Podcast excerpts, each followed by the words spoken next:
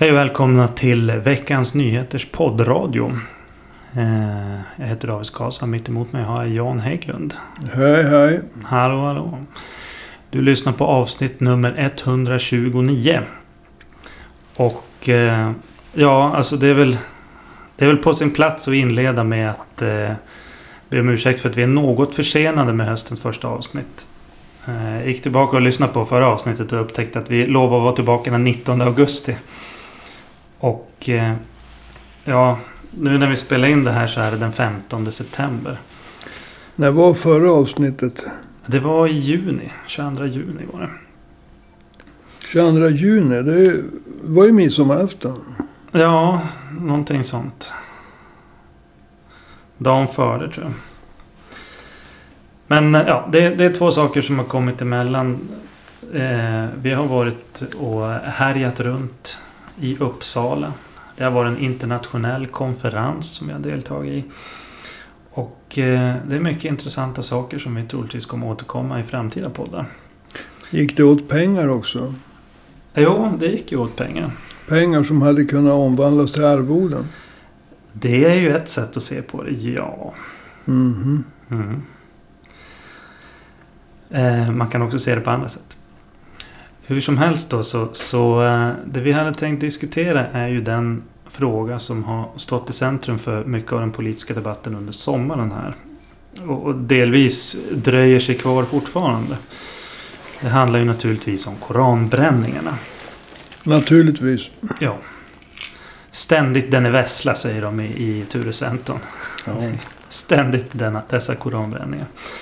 Jag vet ju att du är kritisk till hur frågan har debatterats från etablissemangets sida. Ja, det kan... Det, det, det är jag. Alltså, det svenska etablissemanget, de har en problemformulering när det gäller frågan om koranbränningar. Som utgår ifrån säkerhetsläge och terrorhot. Och eh, vi kan ju göra en liten tillbakablick. I början så kopplades det försämrade säkerhetsläget ihop med ett påstått hot från Ryssland. Mm. Och det hotet fick, alltså riktat mot Sverige, ett hot mot Sverige. Och det hotet fick sedan tjäna som en förevändning. eh, Då riksdagsmajoriteten ville ha ett snabbspår in i NATO. Men Erdogan satte ju stopp för det här snabbspåret. Och panik utbröt inom nämnda etablissemang. Mhm. Tittar vi sen på valåret 2022 var ju intresset för koranbränningar då Rasmus Paludan sysslade med sånt i stort sett hela året. Det var ett mycket begränsat intresse. Och det gällde både den dåvarande S-regeringen och den nuvarande M plus SD-regeringen. Mm. Däremot var lyhördheten mot Erdogans önskemål när det gällde kurderna väldigt stor. Så att det var liksom kurderna eh, som, som eh, stod, stod i, i blickfånget Mm. och sveks. Också kurderna, alltså av, av riksdagspartierna. Men det var ingen som brydde sig om koranbränningar. Mm. Men när då Erdogans intresse försköts. Eh, Antagligen för att han hade fått tillräckligt många kurder utlämnade. När Erdogans intresse försköts till koranbränningar. Så skedde samma intresseförskjutning. Bort från kurderna till koranbränningar hos den ack så följsamma riksdagsmajoriteten i Sverige. Och sen dess har alltså koranbränningar stått i politikens ce- centrum.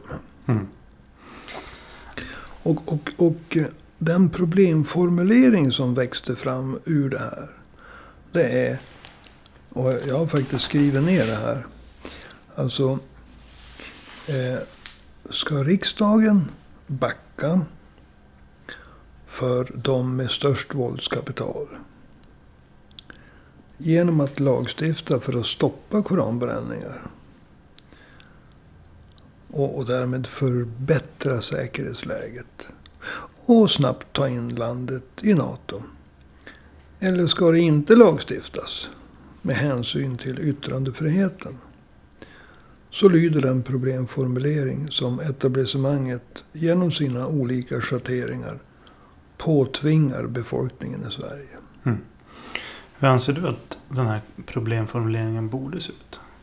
Ja, alltså för oss i Arbetarpartiet så handlar ju frågan om koranbränningar om, om jag får vara lite rolig, kampen om själarna. Mm -hmm. Ja, för oss... Lite bibliskt sådär. Ja, lite koranigt, bibliskt. Bli bibliskt. Mm. för oss har koranbränningarna att göra med vem som ska vinna de muslimska knegarna. Just det. Blir det arbetarrörelsen, alltså fackföreningarna och politiska partier? Eller blir det de islamistiska organisationerna? Som exempelvis Muslimska brödraskapet. Alltså vart ska de muslimska knegarna gå? Till sina arbetande bröder och systrar i facken. Eller till Muslimska brödraskapet. Och andra politiserade och ibland extremistiska organisationer. Mm. Det är den problemformulering som jag anser skulle ställas. Ja. Men är det inte riktigt då diskutera säkerhetsläget, terrorhotet och så vidare? Ja, men eh, det är, naturligtvis så kan terrorister slå till. Men det är ingen som har glömt händelserna på Drottninggatan 2017.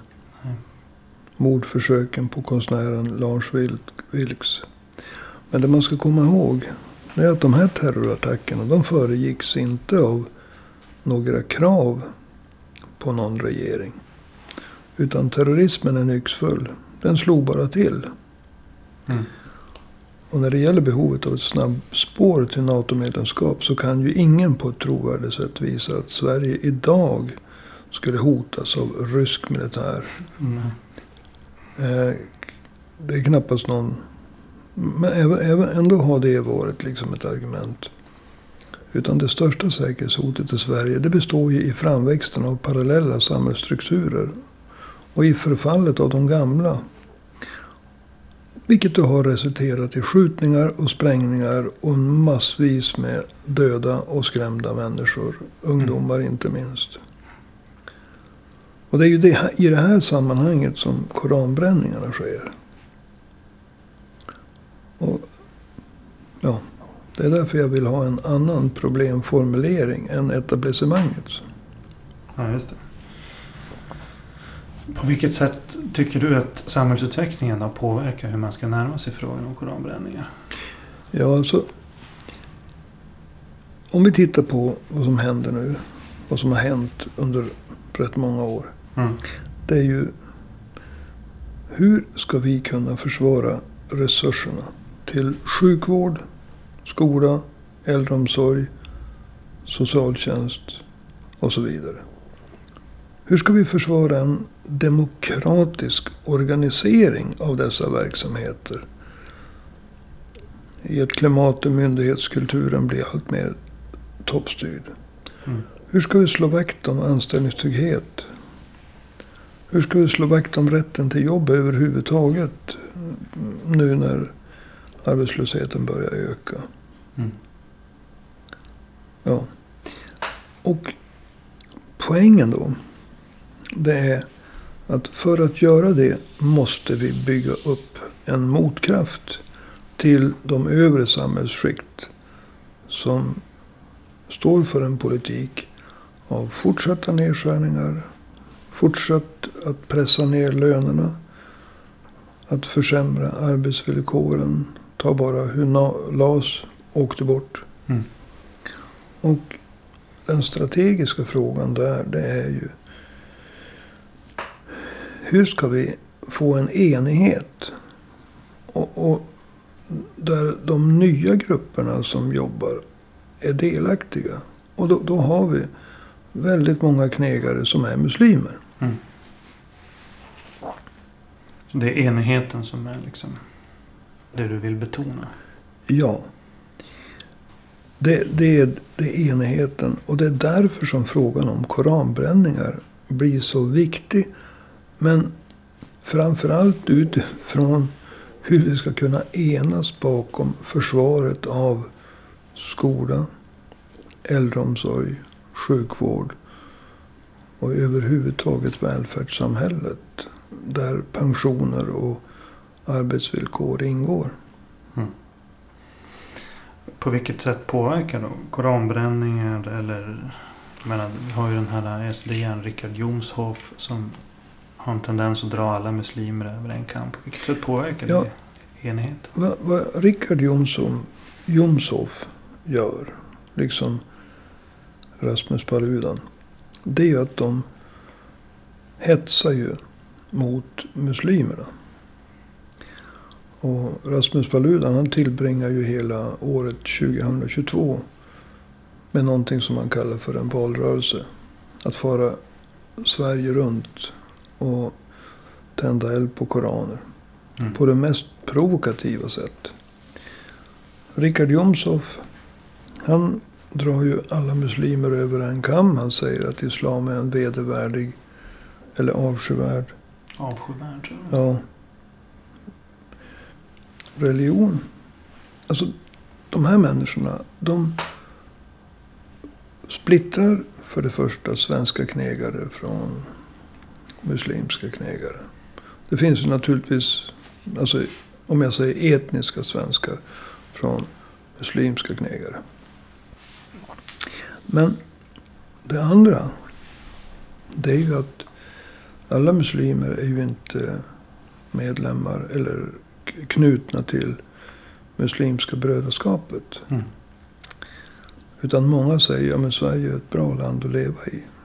Vi har fått det mycket bättre sedan vi kom hit. Och mina barn har det bättre än vad jag hade.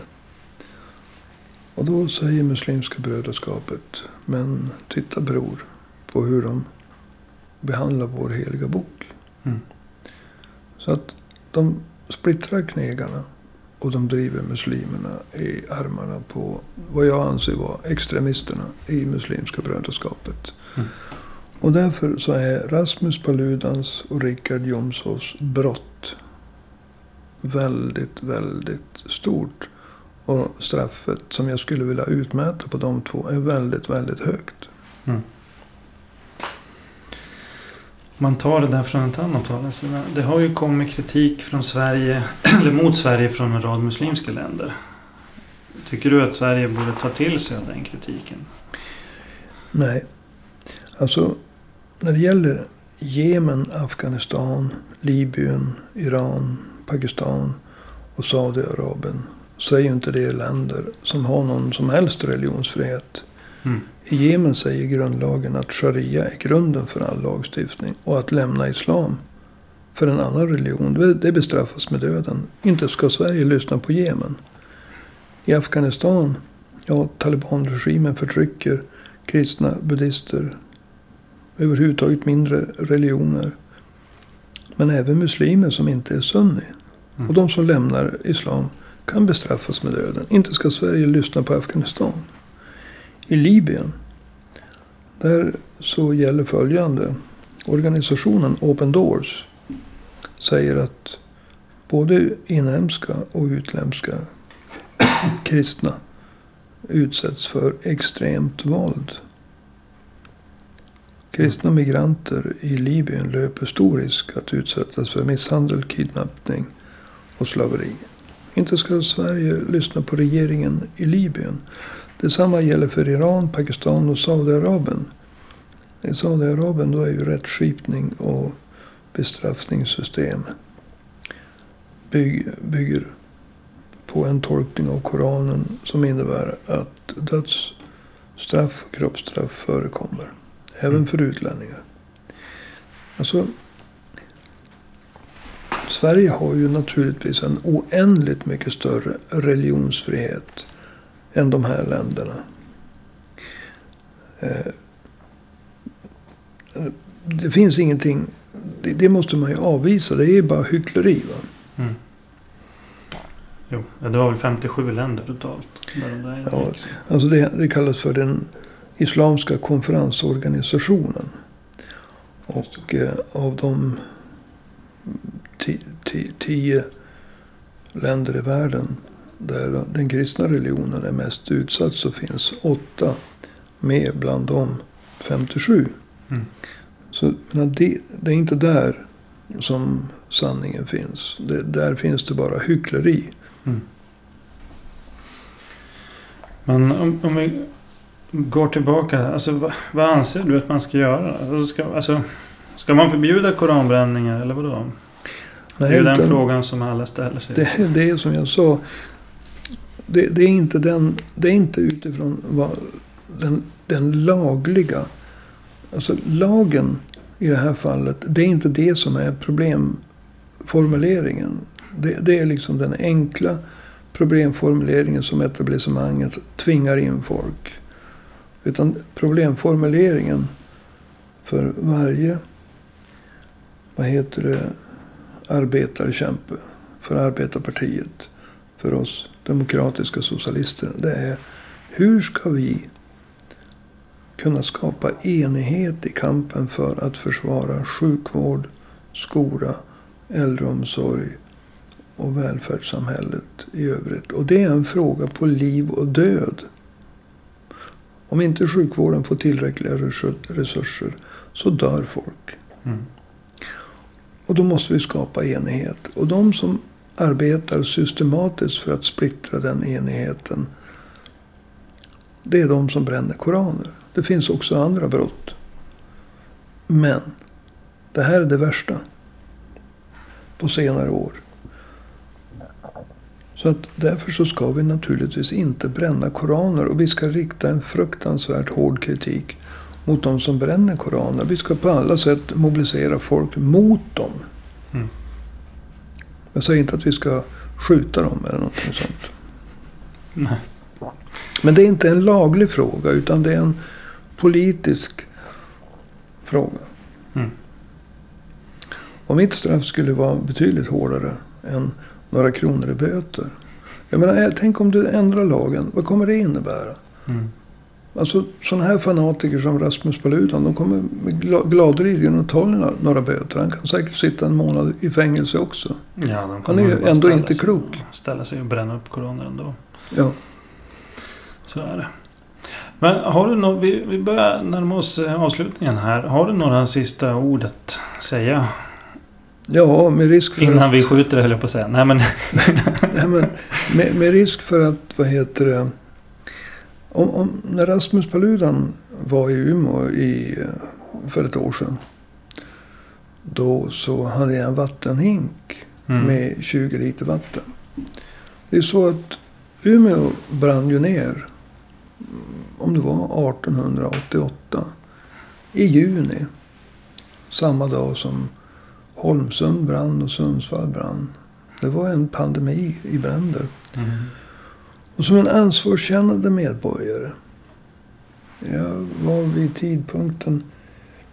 Eh, jag satt inte. Jag hade paus från kommunfullmäktige då. Men jag kände mig ändå som en eh, ansvarsfull, ansvarsfull Umeåbo. Jag är ju född och uppvuxen i Umeå. Mm. Så om Paludan hade börjat fippla med tändstickor för att tända eld på någonting. Det kunde vara Koranen, det kunde vara något annat. Så kände jag ett behov att förhindra att, med tanke på extremväder, Mm. att Umeå brann ner en gång till. Precis. Så jag hade tänkt slänga de där 20 literna på honom. På koranen. Mm, Alltså på, på eh, den eventuella eld Mm. som hade uppstått För att släcka liksom. Mitt i stan. Ja, ja visst. Ja. för att som en ansvarskännande medborgare förhindra Ja, en eldsvåda i centrala Umeå. Någonting som Paludan säkert inte hade tillstånd att elda. Nej, nej. Och jag kan bara säga att om det nu är någon som blir inspirerad av mig. När det gäller Rasmus Paludan. Så kan ju jag inte hjälpa det. Däremot kan jag ju ge ett smakråd. Jaså? Ja, eh, om nu någon skulle slänga 20 liter vatten på Rasmus Paludan. Så avsluta med att sätta hinken över huvudet på honom också. Nej, just det. Just det. Alright, men du med det så eh, tar vi och avrundar här för idag. Ja, Tänker jag. det jag vill säga det är att, Rasmus Paludan är hinkatt. det jag vill säga det att vi har ju haft en lite skämtsam ton här i slutet. Men det jag vill säga som jag brukar ju få en i final. Jag menar verkligen allvar. Det, frågan om koranbränningar är en oerhört allvarlig fråga. Människor som bränner koranen. De begår ett mycket allvarligt brott. Mot den enighet som vi behöver för att försvara det samhälle som har byggts upp. Genom blod, svett och tårar. Det gäller sjukvården, äldreomsorgen och det gäller skolan. Och mycket annat. Och de som bränner Koranen, de saboterar. Och det är inte att förvåna att högerextremister som Rasmus Paludan och Richard Jomshof splittrar arbetarna för att lamslå och kunna bedriva en förödande nedskärningspolitik. Min dom över koranbrännare är mycket hårdare än vad domen skulle bli efter en eventuell lagändring i ordningslagen. Att splittra knegarna är det värsta som jag kan tänka mig. 20 liter vatten är också väldigt lite. Yes. Då så. Du som lyssnar och vill stötta poddradion med en summa pengar. Du kan swisha till 123 504 7105. Alltså 123 504 7105. Och eh, jag som säger det här heter David Kasa. Mitt emot mig sitter Jan Hägglund. Ja, jag Vi, vi återkommer. fattig är jag också. Ja, fattig är du. Och det kommer det fortsätta vara. Avsnitt 237 ska vi diskutera arvoden. Mm. Nästa avsnitt nummer 130. Det blir om två veckor. Vi hörs.